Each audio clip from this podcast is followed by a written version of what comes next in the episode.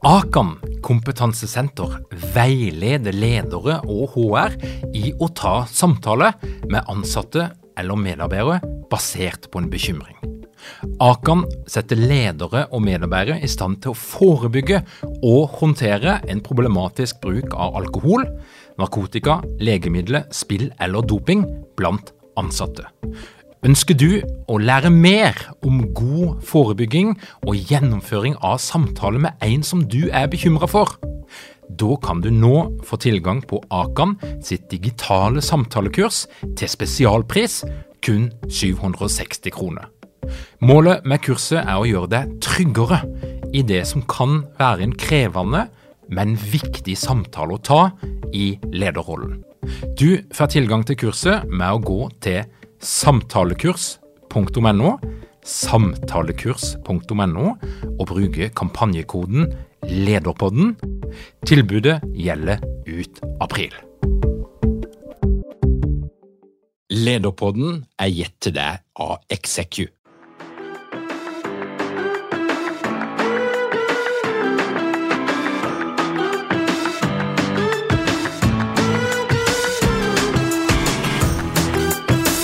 Velkommen til Lederpodden.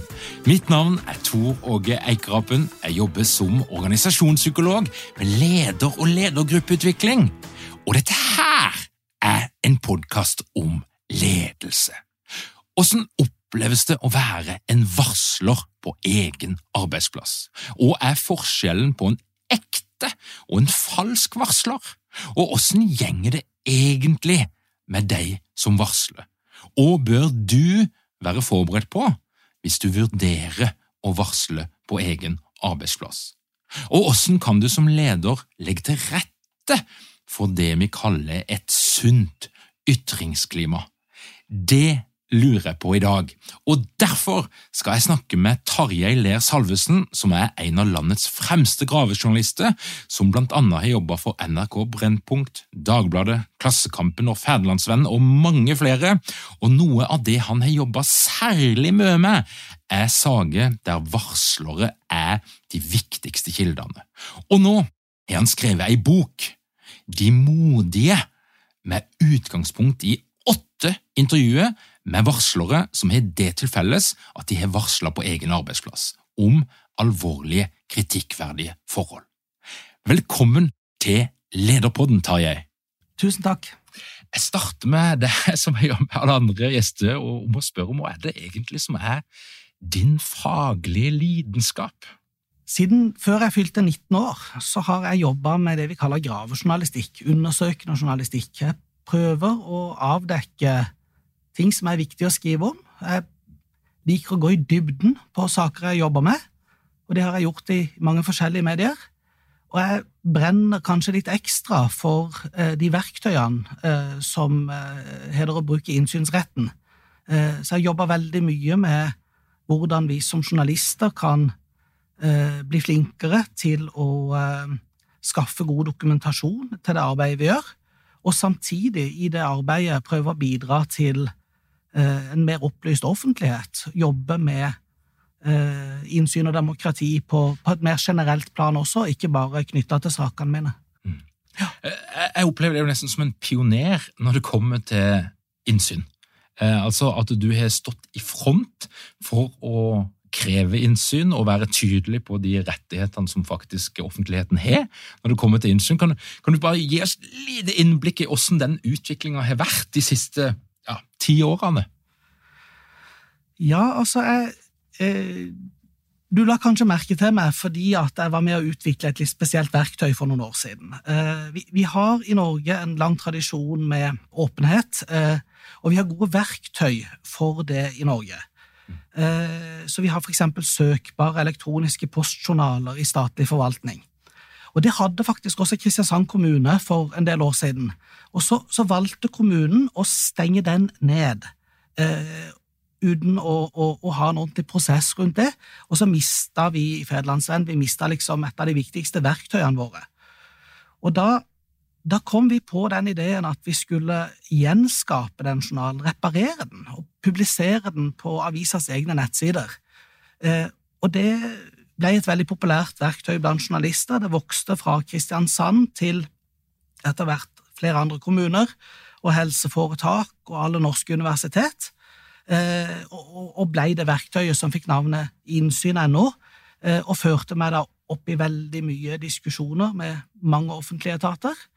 Eh, og, og, og etter hvert så skrev jeg en lærebok som nå brukes på norske journalistutdanninger, om juss og teknikker knytta til det å bruke innsynsverktøy. Og jeg tror at vi både får bedre journalistikk av det, men at vi også får en bedre offentlighet av at den journalistikken som foregår, eh, faktisk gjør større bruk av saksdokumenter enn bare spørsmål-svarteknikk hele tiden. Og varsling er jo da et, et beslekta tema her. Eh, for ofte så er det der det starter, og så begynner de å grave og undersøke og finne dokumentasjon på hva er det egentlig som har skjedd her. Kan du, kan du huske første gang du møtte noen som du tenkte at dette her er en varsler?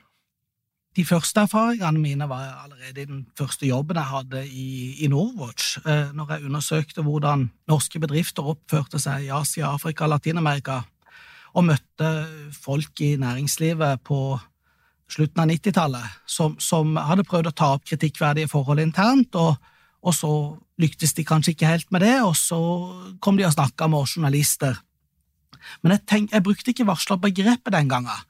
Eh, det var mer sånn at vi tenkte på de som alle mulige andre kilder. Eh, og, og, og varslerbegrepet lærte jeg først en del år seinere.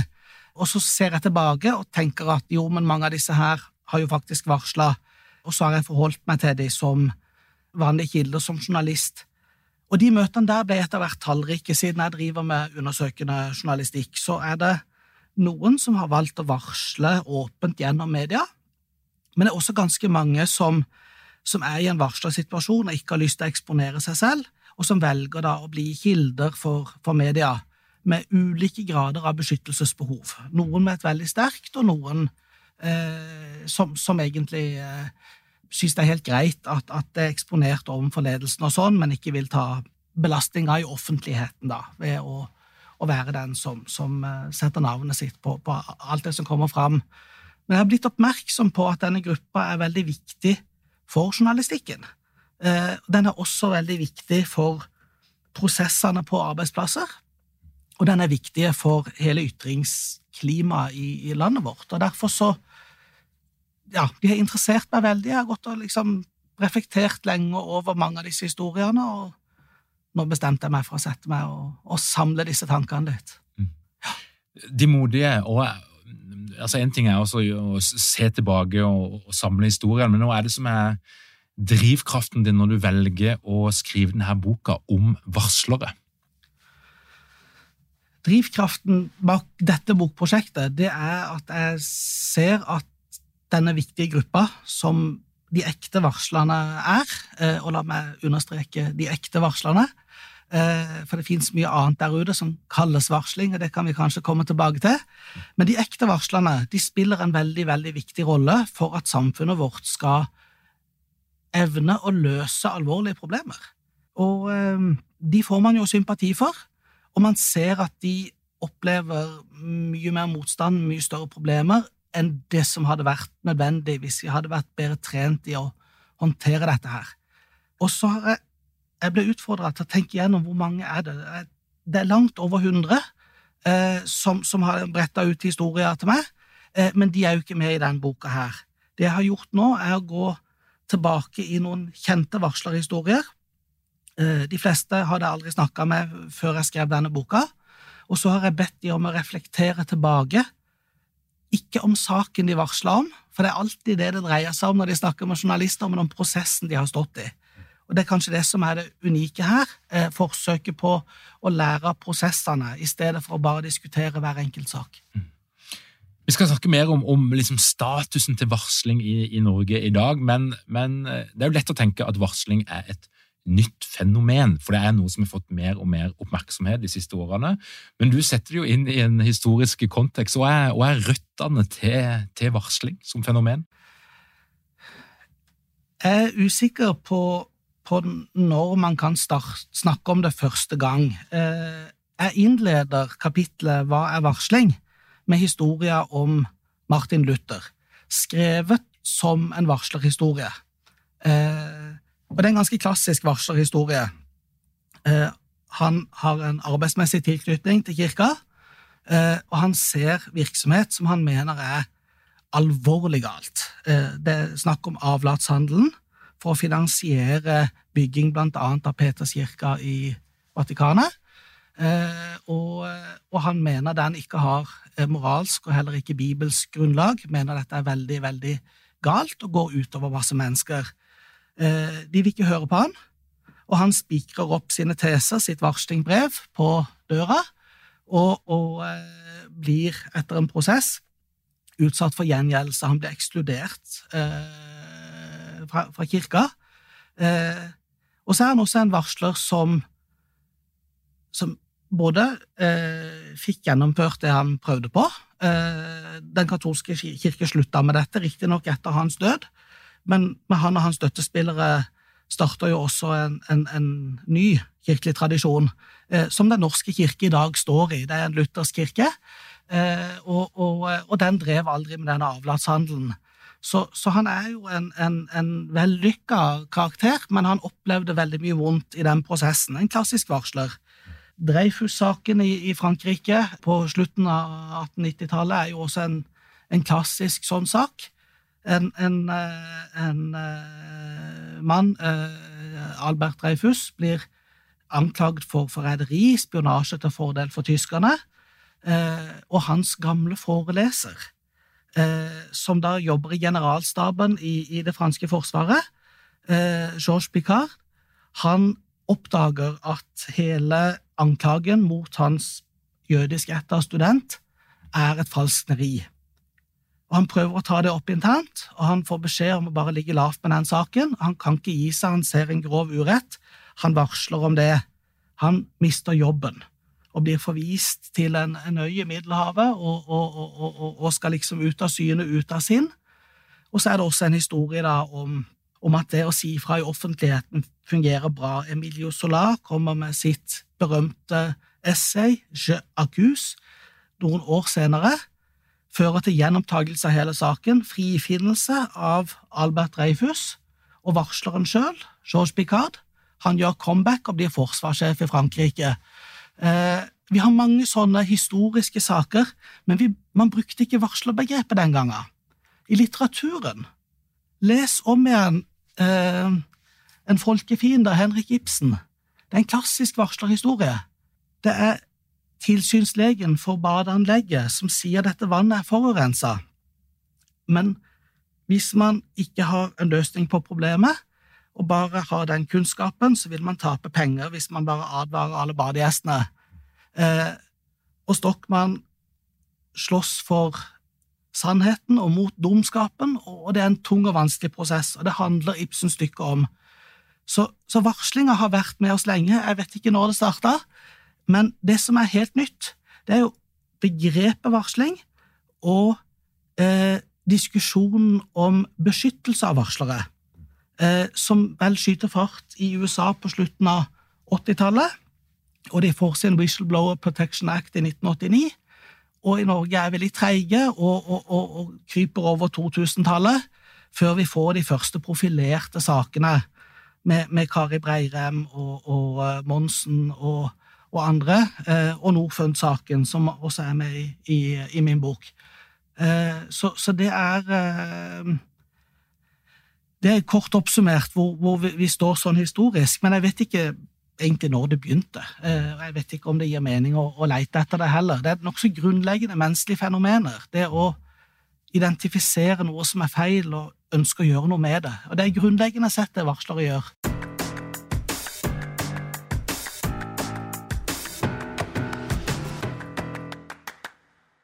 De her historiene som du har, har funnet fram, de er jo utvalgt. altså Det er en grunn til at du har valgt akkurat de historiene.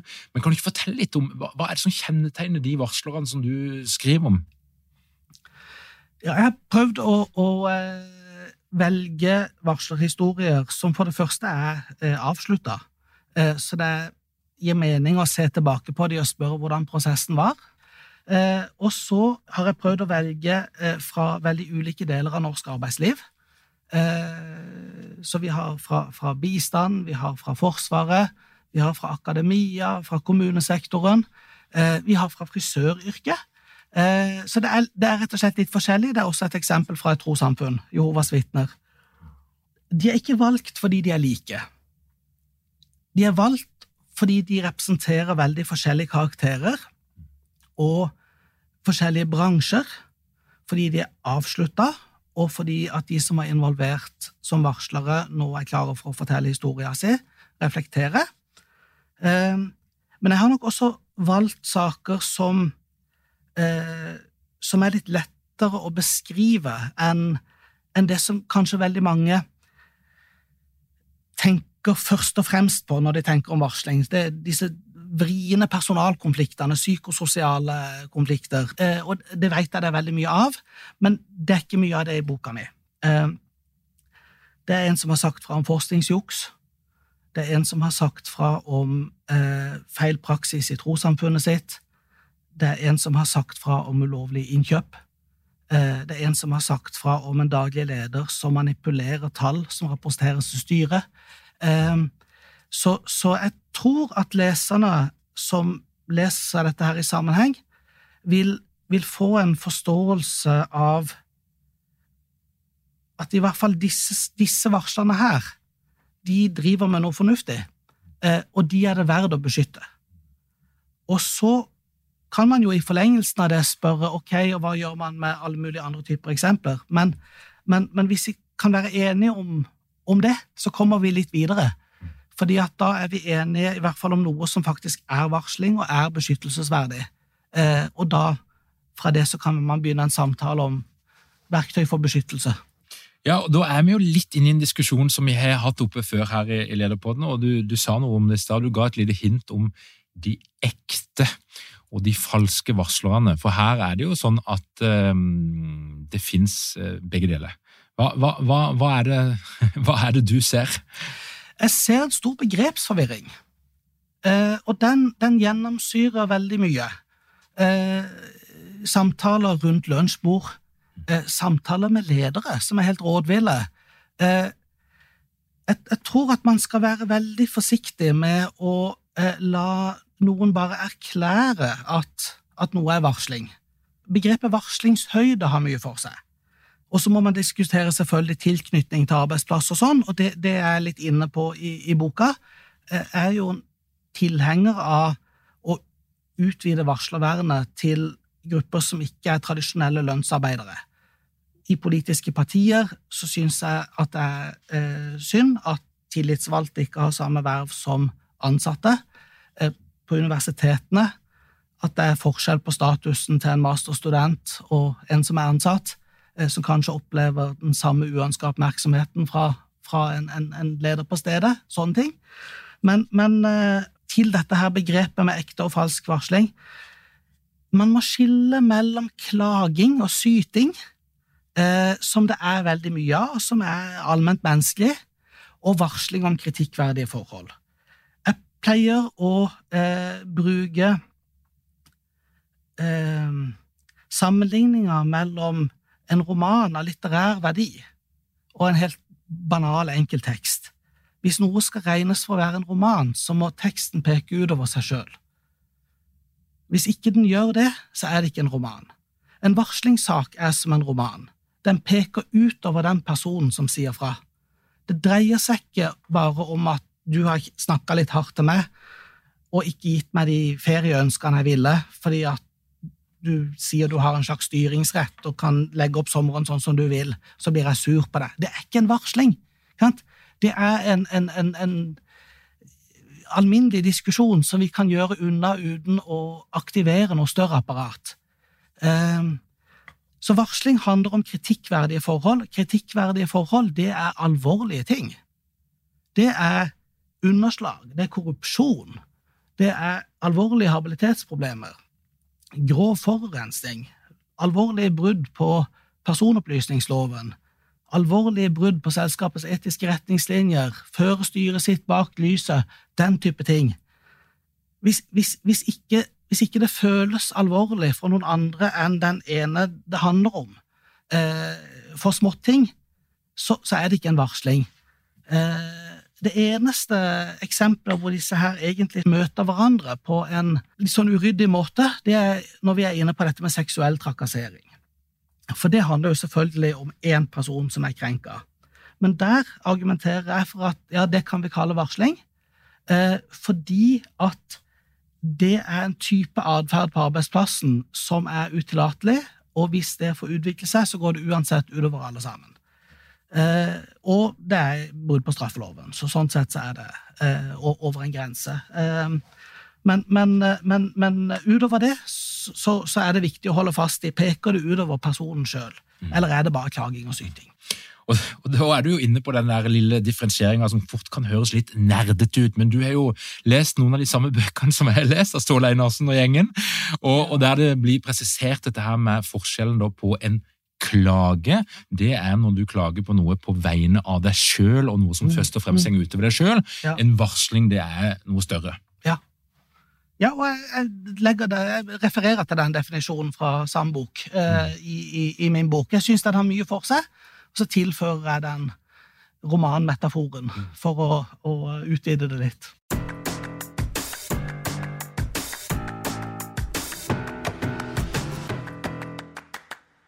Min opplevelse og erfaring ut i felten det er at mange steder så det blitt et veldig stort fokus på varsling. En har etablert et regelverk og en rutine for varsling, og en snakker masse om varsling. Men så har en glemt et eller annet eh, i de prosessene som, som, gjelder vurdering av er dette den type alvor som det du beskriver, eller er det noe annet? Altså, Jeg sitter med en opplevelse at så fort det stender varsling i e-post-subjektfeltet, eh, og så fort noen liksom har, har, brukt det ordet, så blir en livredde for å kalle det for noe annet, og så bruker en akkurat de samme verktøyene, akkurat den samme rutinen, på ting som egentlig hører hjemme et helt annet sted, på de her sakene? Jeg har sett veldig mye forskjellig rart på mange arbeidsplasser som, eh, som jeg har møtt som journalist. Eh, og jeg har sett eh, ledere som tar det veldig på alvor, og jeg har også sett ledere som er fullstendig ignorante, og som skyver dette fra seg og, og, og ned på, på HR-avdelinga og sier dere får håndtere det. Eh, jeg svever over her og driver med helt andre ting. Eh, og, og det, det, eh, gir seg veldig rare utslag. Av de mer fornuftige tingene jeg har sett, som jeg kan trekke fram i akkurat denne sammenhengen, så dette lille utvalget i Kristiansand kommune, som, som, som, som får inn varslersakene, som er sammensatt av litt ulik kompetanse, eh, eh, hvor man sitter og stiller det innledende spørsmålet er det en varslingssak. Ikke sant? Og så sitter de og sorterer det som kommer inn, som meldes inn som varslingssaker, og så sorteres en del av det bort. Noe av det er avvik. Noe av det skal rette politiet, og noe av det skal håndteres internt i tråd med varslingsrutinene. Eh, og, og, og, det er mye fornuftig i det. Så, så det å, å, å, å, ha en sånn innledende stopp, og så sjekke det man vet om saken opp mot forståelsen av hva varsling er, det kan i det tilfellet der så tror jeg det legger bort nesten halvparten av sakene. Og det frigjør jo litt tid til å jobbe bedre med de sakene som faktisk er varsling. da. Og Ledere det er jo noe jeg er veldig opptatt av. Ja. Hva, hvordan, rolle er det ledere får i de sakene som, som du har vært inne og kikka i? Det er sikkert masse forskjellig, men, men kan du, ja, det, hva er det du ser? Det, det er veldig forskjellig. Uh, nei, jeg, jeg, ser ofte ganske mye usikkerhet. Uh, og, og, og, og, grovt sett så må man jo sortere det litt i, i um, er det varsla om, om, lederen sjøl, no, eller noen som er veldig nært lederen, eller er det varsla om noe som lederen føler seg mer kapabel til å håndtere med den tilstrekkelige distansen? da? Eh, og, og, og, og, la oss holde oss mest i det farvannet der. Eh, der, der, der, har jeg eh, eh, For det første begrepsmessig forvirring, og så har de litt liten tid, veldig mange ledere. De har så mye annet de skal drive med. Eh, og, de har lyst til å være produksjonsfokuserte og ikke bruke tida i disse her vanskelige prosessene på jobben. Og da, da er det jo grovt sett to feil som en del av det gjør. Det ene er å skyve saker som ikke bør håndteres på lavt nivå, tilbake til håndtering på lavt nivå. Eh, man må skille mellom de sakene som kan håndteres på lavt nivå, og de som bør rapporteres oppover. Dette er jo noe av det traumene de har stått i i Forsvaret det siste året, hvor de har håndtert veldig alvorlige saker på lavt nivå. Og nå går de bort ifra det og begynner å håndtere de mer alvorlige sakene på i et sentralt nivå for å ha kompetanse og for å sikre likebehandling. Og det er veldig viktig. Eh, og, og, og, jeg har jo sett, eh, sett eh, eh, For eksempel snakka med en direktør som ikke ante hvor mange saker om seksuell trakassering som fantes på egen arbeidsplass. Det var en toppleder. Eh, og som ikke hadde et system for det, fordi at også det ble håndtert i linja. Eh, og det er en type kunnskap som jeg syns en leder skal interessere seg for. Og så har vi dette her med å, å, ha et litt ureflektert forhold kanskje til når man henter inn eksterne.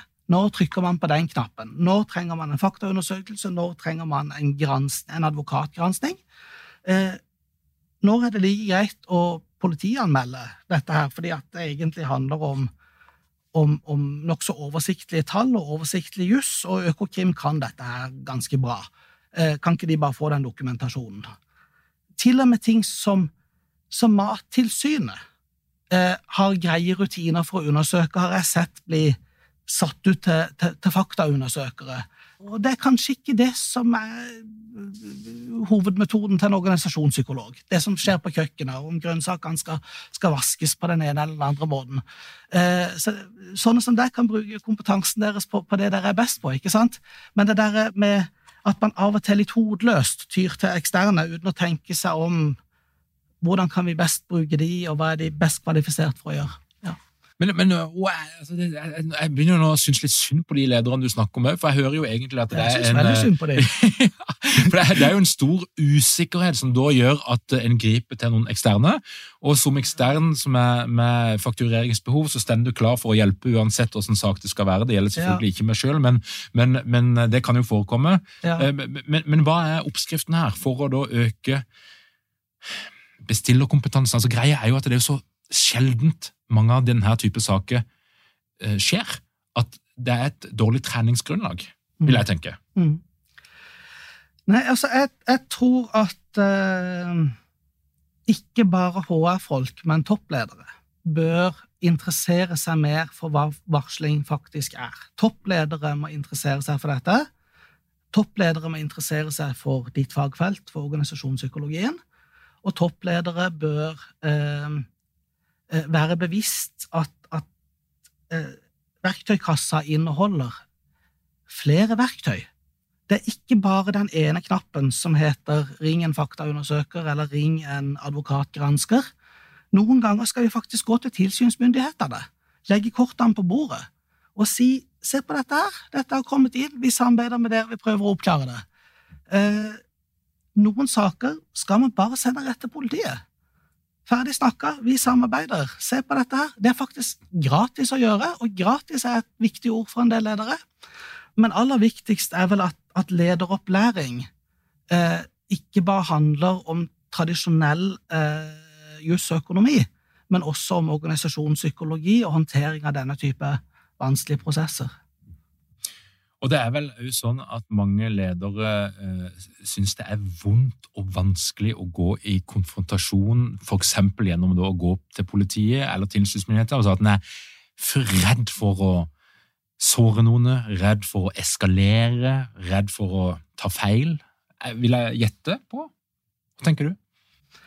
Ja, eh, jeg forstår at de er redde for det. Eh, så er det jo sånn at, at hvis man anmelder en sak til politiet, eller tipser tilsynsmyndigheter om en sak, så behøver man ikke være sikker på skyldspørsmålet. Man går jo dit for å få avklart dette hos noen som er kompetente til å undersøke det og ha maktmidler. Det fine med å politianmelde eh, noen av disse økonomiske sakene er jo også at du får en tydeligere frifinnelse. Eh, hvis det viser seg å ikke, ikke være det, så slipper man at, at, dette henger så veldig ved. Eh, du får et, ja, et, et enklere ja-nei å forholde deg til. Eh, så jeg skulle ønske at vi kunne sende flere saker den veien, men, men, men det krever nok også at myndighetene styrker de institusjonene litt. Økokrim vært litt sultefòra institusjon de siste årtiene.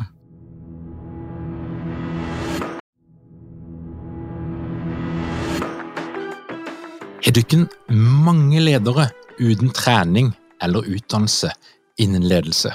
Mangler dere en felles kultur og praksis for ledelse? Ønsker dere å være bedre rustet for fremtidig vekst og endring? Da kan et internt lederutviklingsprogram være en god investering.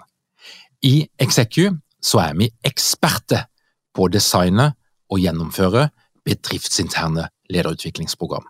Hvis du ønsker å lære mer om hvordan vi kan hjelpe dykken til å få enda bedre ledere, ta og klikk deg inn på execu.no.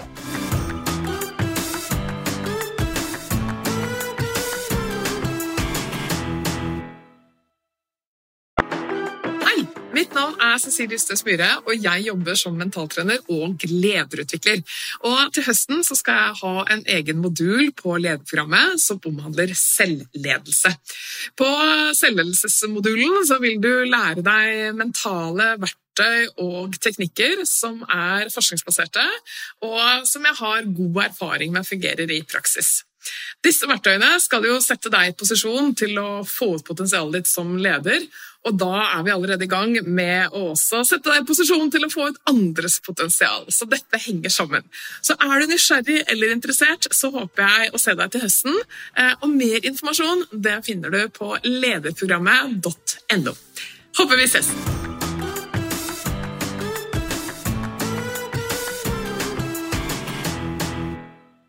Du, Av alle de sakene som du har beskrevet i boka di, hvilken er det som har gjort mest inntrykk på deg?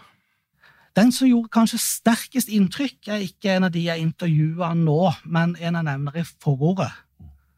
Eh, en ambulansesjåfør som ble, eh, ble pressa eh, til å delta i et forskningsprosjekt som han hadde samvittighetsproblemer med å delta i. Og som prøvde å si fra om det. Eh, dette var et forskningsprosjekt på hjertestanspasienter i Oslo. Det er et veldig viktig eh, kriterium med medisinsk forskning at pasienten gir informert samtykke. Men her var inklusjonskriteriet i studien at man allerede hadde fått hjertestans, og da er spørsmålet hvordan kan du spørre da om det er greit å delta i studien eller ikke. Eh, ambulansesjåføren fikk ordre fra sjefen sin om å være med på en loddtrekning. Så før de starta gjenopplivningsprosedyren, så skulle de trekke lodd, og de åpna bokstavelig talt konvolutter som enten var røde og sa nei, eller grønne og sa ja, eh, og det dikterte hvilken behandling som skulle gis. Eh, og dette prosjektet her eh, diskriminerte ikke mellom grupper av hjertestanspasienter, så astmatikere, allergikere, overdosepasienter skulle heller ikke få intravenøs kanyle med medikamenter utenfor sykehus. Han kom og fortalte denne her historien til oss, og det ble en dokumentarfilm, Hjertelotteriet, som jeg kommer så vidt inn på i, i forordet. Og det er vel kanskje den historien som gjorde aller sterkest inntrykk. Jakob Nielsen het han, ambulansesjåføren. Mm. Og åssen gikk det med han? Han eh, sto åpent fram eh, i vår film. Eh, på NRK Brennpunkt, eh, og han eh, gjorde en Var jo gjennom hele varslerprosessen internt på sykehuset og med fylkeslegen også. Han fikk beholde jobben, blei verna av ledelsen og sto i jobb et par år til til han til slutt døde av sykdom. Mm. Men, men hva, er, hva, er, din oppfattelse? Hvordan gjenger det med varslerne? Den oppfatninga man kanskje har med seg fra offentligheten, er at det går veldig dårlig med veldig mange av de. Jeg har lyst til å nyansere det bildet litt med min bok. Ehm, veldig mange varslere opplever mye og urimelig gjengjeldelse. Og det er en uting, og det må vi prøve å få gjort noe med. Ehm, så er det vel også sånn at, at når det har gått en del år, og jeg spør de igjen, de varslerne jeg har vært i kontakt med, hvordan går det nå? Eh, så er det veldig mange av de det går ganske bra med, og som også ser tilbake på prosessen, som var veldig vond når de sto i den, og ser at, at eh, det nytta. de, det, det ble jo faktisk gjort noe med en del av det jeg sa fra om. Jeg vil ikke romantisere dette her. Det er tøft å varsle og kan være veldig vanskelig, men for en del føles det altså også meningsfullt, og mange klarer seg også ganske fint etterpå. Så det, det, er, det er nyanser i det bildet. Og vil du rådgi varslere til å, til å, gjøre eller å tenke igjennom før de gjenger til det steget? Det første er å prøve å tenke igjennom er jeg faktisk i en varslersituasjon. Eh, er dette en varsling, eller er det klaging? Det bør også, det er ikke bare ledere, men også arbeidstakere være bevisst på. Eh, så er jo spørsmålet eh, hvordan skal jeg varsle, hvis jeg skal varsle? Skal jeg gjøre det anonymt, eller skal jeg gjøre det åpent, sånn som de fleste arbeidsplasser selvfølgelig foretrekker, for da kan de komme i dialog med varsleren, få mer informasjon osv. Et alternativ for noen få det er å bare lekke informasjon til media. Eh, men, men, men, da er det ikke en tradisjonell eh, varslingssak. Eh, hvis man varsler på den tradisjonelle måten, så er rådet mitt dokumenter både din egen situasjon og saken så godt som overhodet mulig. Man har krav på beskyttelse som varsler, enten man på en måte får rett eller ikke i den prosessen som, som, som, utspiller seg. Den undersøkelsen kan jo av og til vise at, at varsleren tar feil i sine påstander. Eh, men hvis varsleren har vært i god tro eh, og varsla samvittighetsfulle, gode årsaker, så har de likevel krav på beskyttelse mot gjengjeldelse. Eh, det er litt viktig at man eh, får til prosesser hvor, hvor, hvor, hvor informasjonsflyten er god, og Derfor er det viktig at varsleren dokumenterer best mulig de forholdene og, og spiller det inn. da. Så må man sørge for at man ikke står alene i de vanskelige diskusjonene som kommer. Varslere som bare går alene, tror jeg får det veldig mye tøffere. De som enten har en fagforening eller andre gode kolleger som de kan spille ball med, få mental støtte fra og sånn underveis, de tror jeg har mye større sjanse til å klare seg greit gjennom prosessen. Opplever man trøbbel, ser at her blir det gjengjeldelse, her trenger jeg verktøy for å forsvare meg, okay, se om ledelsen kan hjelpe deg. Hvis ledelsen oppleves som motparten, hvem andre kan hjelpe meg? Noen bør da søke advokathjelp eh, tidlig. Det får man ofte gjennom fagforeninger, og det tror jeg kan være, kan være en god støtte i sånne saker. Du skriver jo en del om eh, prosessen og det å stå i prosessen som kan ta ganske lang tid av og til. Det er saksbehandling, det er formaliteter, det er tidkrevende greier. Mm. Um, hvordan oppleves det? Og, altså, hva skal varsler være forberedt på at skjer etterpå? Ja, eh, Det er vel kanskje den største overraskelsen jeg har fått eh, gjennom å snakke med veldig mange varslere. Det er at de, de tror det skal gå mye fortere enn det faktisk gjør. Eh, så, så, det er en naiv forventning til at hvis jeg bare sier fra om noe som er feil, så løser det seg fort og greit. Eh, det er noen saker som er sånn, heldigvis. Noen saker er veldig enkle og oversiktlige, men en del av varslersakene, særlig de som har en psykososial dimensjon, er jo mye mer komplekse. Det tar tid å etablere en felles forståelse av hva som har skjedd. Og det er jo håpet håpe at, at, man unngår sykemeldinger og sånn, eh, men, men, men, det skjer jo forferdelig ofte. Eh, og, eh, og, er man borte lenge fra jobb, så blir det tyngre og tyngre å komme tilbake, og, og, og det, er, det, er, jo mekanismer her som er vanskelige. Så rådet mitt er for det første ikke være naiv i forhold til hvor lang tid det vil ta. Er man på vei inn i en varslerprosess, så bør både ledere og arbeidstakere sette seg ned og tenke på hvordan ser resten av denne prosessen ut? Hva er de naturlige neste stegene?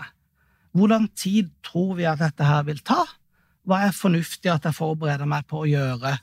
Eh, det å bare ta én og én dag av gangen i den prosessen, uten noen sånn eh, lengre horisont på hvordan det vil gå, det tror ikke jeg er så klokt.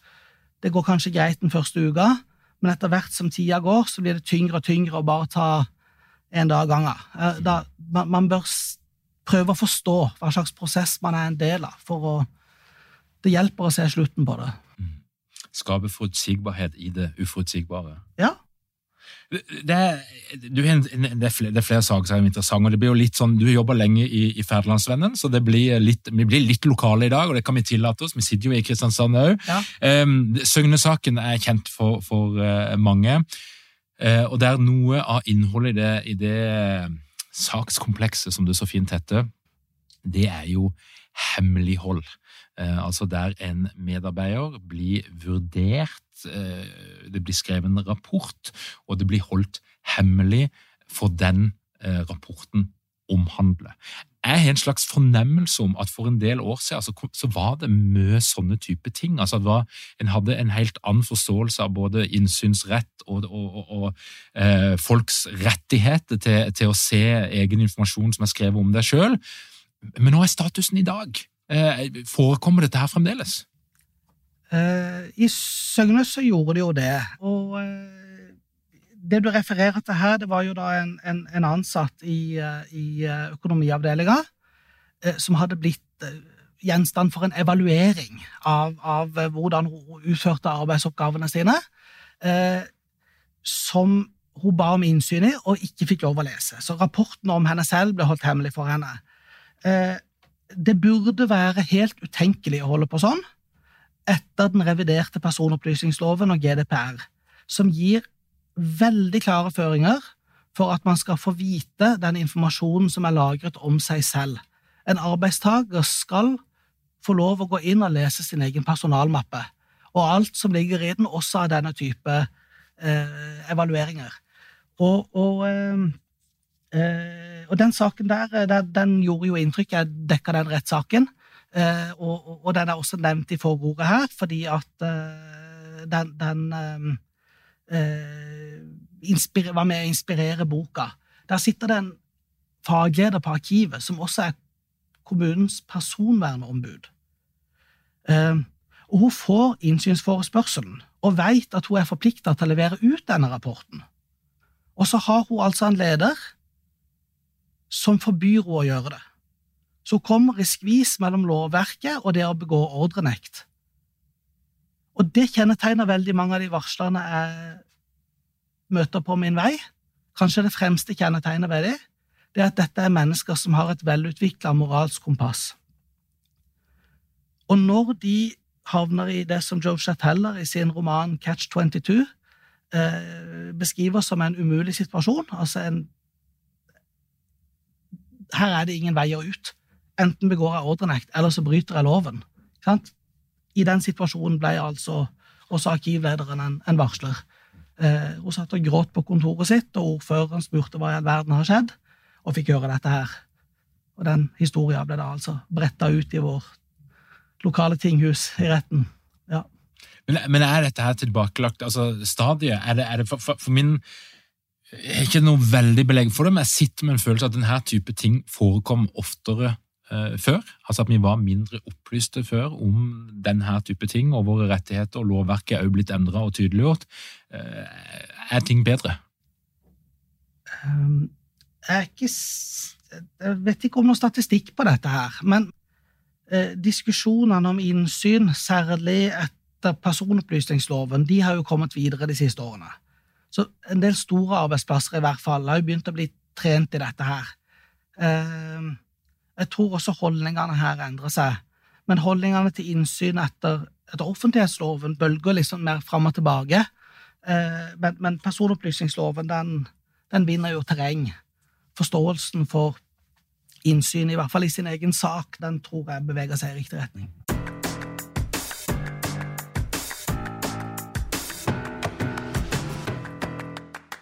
Du, vi må, vi må, ta fram en til av de her sakene. Vi er, vi er, fremdeles i Kristiansand. Vi er i 2018. Metoo har rulla gjennom verden, og det er jo en milepæl egentlig i, i både hvordan vi tenker om varsling, hvordan vi tenker om psykososialt arbeidsmiljø, hva som er greit og ikke greit. Mm.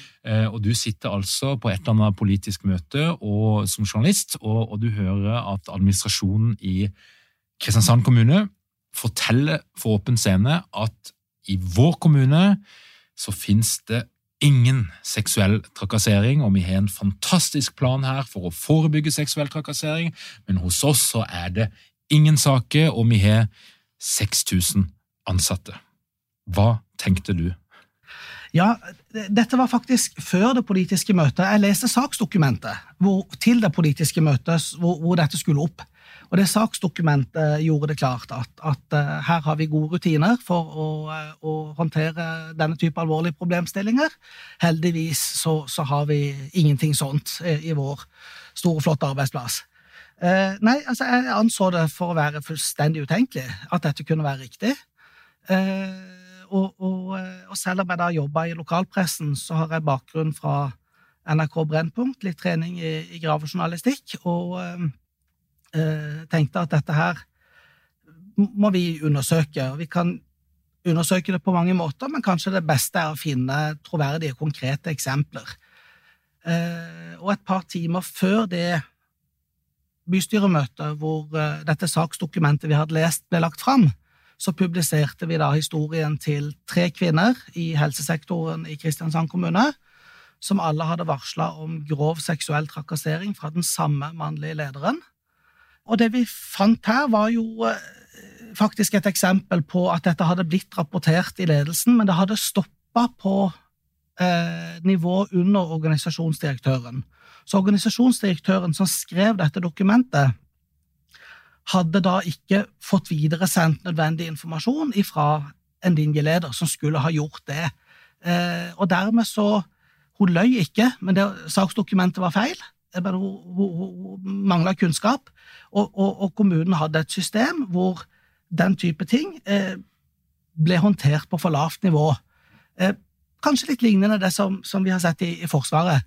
Eh, og, og, et utkomme av det at vi satte fokus på det og var konkrete, var jo at kommunen, eh, ledelsen, eh, og også kommunerevisjonen sa at saker av den alvorlighetsgraden skal vi ha kunnskap om. Dette skal varslingsutvalget, dette skal kommunedirektør, dette skal kommunerevisjon vite. De skal alltid kunne svare på hvor mange sånne saker om seksuell trakassering finnes det, akkurat som de hadde krav om når det gjelder økonomisk underslag. Og Det er jo et godt eksempel på at uh, jobben din faktisk får betydning. Jeg håper jo det vi gjør ikke det samme som dere organisasjonspsykologer, men, men, men, vi prøver å hjelpe samfunnet, vi som driver med journalistikk, hjelpe samfunnet å diskutere noen problemer, med selvfølgelig siktemål og håp om at, at noen problemer lettere skal finne sin løsning. Vi bare gjør det på litt ulikt vis. Kunne, I boka di har du et eget kapittel om eh, faktaundersøkelse og granskende. Og når jeg ser på det, så ble jeg ekstra nysgjerrig.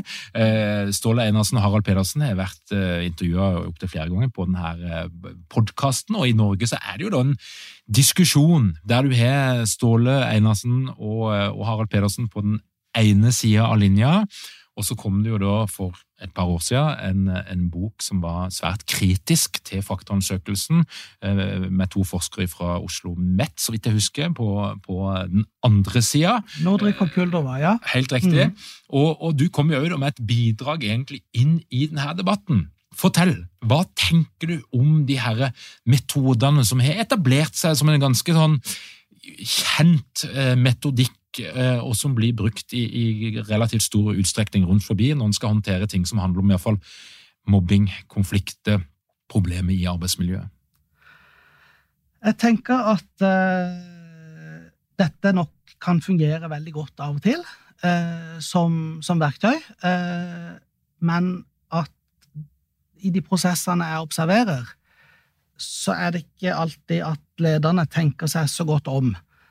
Så de de kan kjøpe inn disse tjenestene eh, utenfra, litt fordi de ikke har tid til å bruke det selv, at det blir en sånn hvilepute.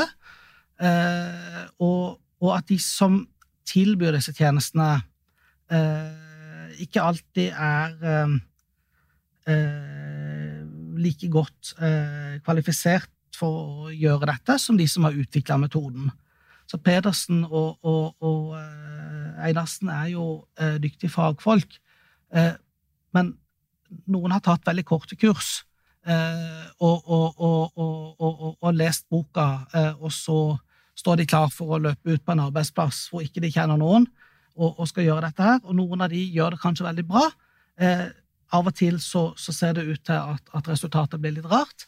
Eh, og, og, jeg gir noen eksempler på, eh, i boka på prosesser som først og fremst tar tid og koster penger, og ikke fører til så mye bra. Eh, så jeg, sier jo ikke at, at man ikke skal drive med dette her, men jeg, det er en oppfordring her til at man tenker seg om på arbeidsplassene når er det fornuftig? Hva skal vi bruke det til? Og, og, hvis det koster en million kroner å gjøre dette her, er det den beste bruken av den millionen. Eh, og, og, eh, og, jeg gir et eksempel da på, på en, en, en, fornøyelig historie fra en kommunal bedrift her i Kristiansand, eh, hvor, hvor, det er en daglig leder som rett og slett har handla privat med den kommunale bedriftens biler. Og han har en fin bil, da. En Land Rover Defender. Adventure-utgave med snorkel, som har blitt brukt til å kjøre fruktkurver rundt i Kristiansand sentrum. Uh, og Den, den, den kjøpt ut av leasingavtalen for en slikk og ingenting, og, og, lagt ut på Finn med en avanse på en halv million kroner av daglig leder privat. Og, og uh, i den saken så, så, så, er det kanskje ikke faktaundersøkelse som er det faglige verktøyet for å prøve å finne ut hva som har skjedd. Eh, kommunerevisjonen, når de leste vår avisartikkel, så, så, gikk de i gang med å undersøke saken, og kommunerevisjonen eh, mente at denne saken burde blitt anmeldt til politiet. Eh, og til slutt så ble den det, men utgiftene til andre undersøkelser hadde da allerede langt oversteget verdien av den aktuelle bilen. Eh, og nå ligger saken til etterforskning hos politiet, så får vi se hva som kommer ut av det. Men i den saken der så kommenterer jeg vel i boka at, at her kunne man kanskje gå til politiet først som sist.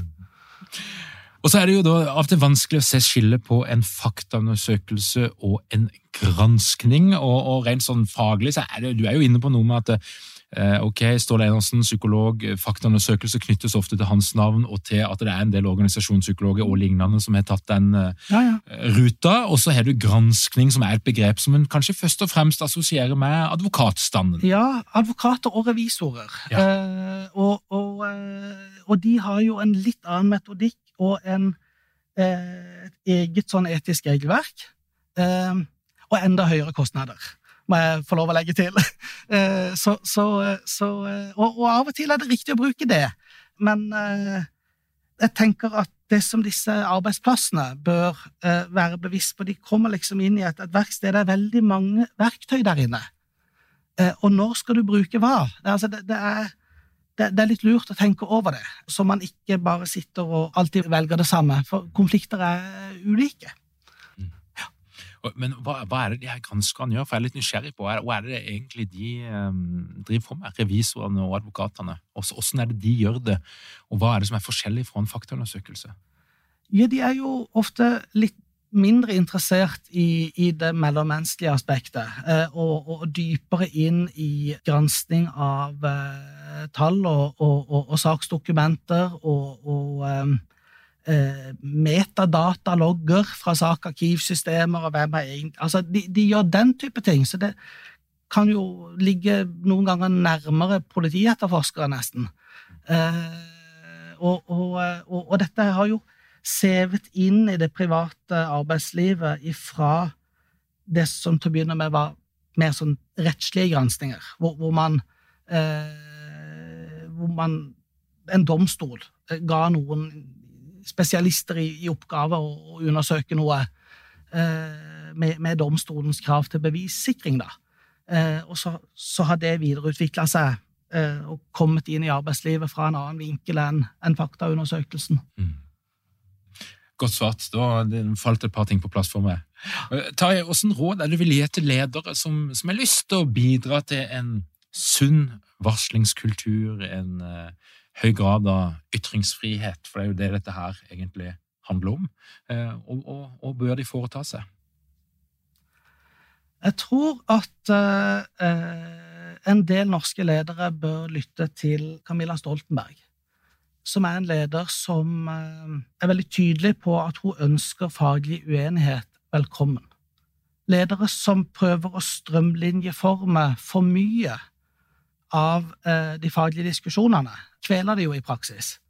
Så hvis man har et gjennomtenkt forhold til forholdet mellom styringsretten, altså hvordan framstår vi som arbeidsplass, som bedrift, versus den ytringsfriheten vi alle har, både internt og eksternt, som individer og som fagfolk, så tror jeg vi får både bedre arbeidsplasser og et bedre samfunn.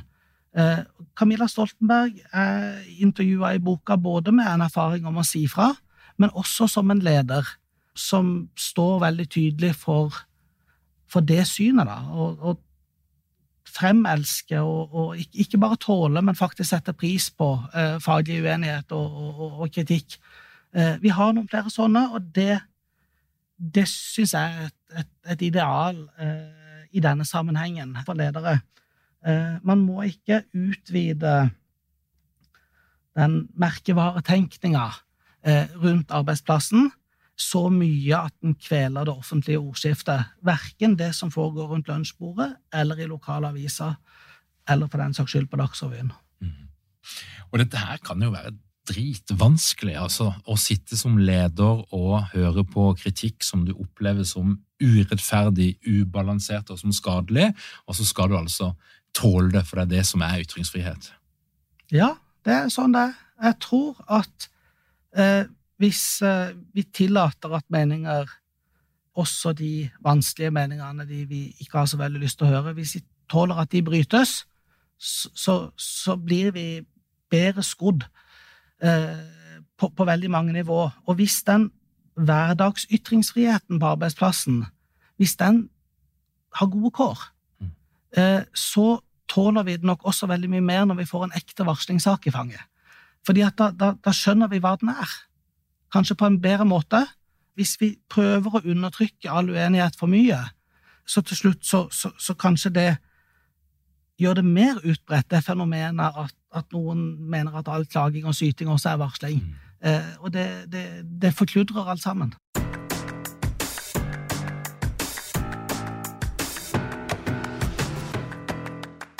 Er det noe som du har lyst til å melde ut til Lederpoddens lyttere, og som jeg ikke har spurt om? Jeg har ikke så mye mer på hjertet. Jeg har skrevet en bok jeg håper noen av dere har lyst til å, å, å lese, og jeg håper at, eh, at dere kan uh, finne inspirasjon også hos andre ledere som, som, står for en del av disse tingene. Ole Erik Almli han, han, sa det veldig fint på et seminar i Pressens Hus om ytringsfrihet i arbeidslivet like før jul, at eh, mange av hans medlemmer i, i, i, NHO har en del å gå på når det gjelder forståelse av ytringsfrihetens kår på, på arbeidslivet. Så hvis ikke dere vil høre på en frilansjournalist fra Sørlandet, så lytt litt til Camilla Stoltenberg og, og Alm Lie, så kommer vi kanskje litt videre. Tarjei, tusen takk for at du har skrevet denne boka. Eh, jeg har kost meg med henne, jeg kommer til å lese om igjen og om igjen. Jeg tenker det ligger noen diskusjoner, og, og du gjør ganske komplisert stoff lett og tilgjengelig. Det er min oppfattelse. For det er et krevende eh, tema, et krevende felt. Det er ikke lett å få oversikt her, men jeg opplever at du gjennom dine historier gjør det lettere. Så dette her er en veldig klar anbefaling til deg som er leder og har lyst til å øke kompetansen på dette her feltet. Takk for at du kom til Lederpodden. Tusen takk sjøl. Ønsker du å være oppdatert på alt som skjer i vårt lederunivers? Da kan du gå til lederpodden.no, skriv inn din e-post, trykk på den rette knappen, så får du vårt nyhetsbrev rett inn i din innboks hver eneste fredag. Takk for at du hører på Lederpodden. Vi høres igjen om ei uke. Og forresten, påmeldinga til høstens utgave av lederprogrammet åpner 1. mai, og oppstarten er 28. september. En tredjedel av plassene er allerede reservert, og hvis du har lyst til å reservere en plass, så finner du info på lederprogrammet.no.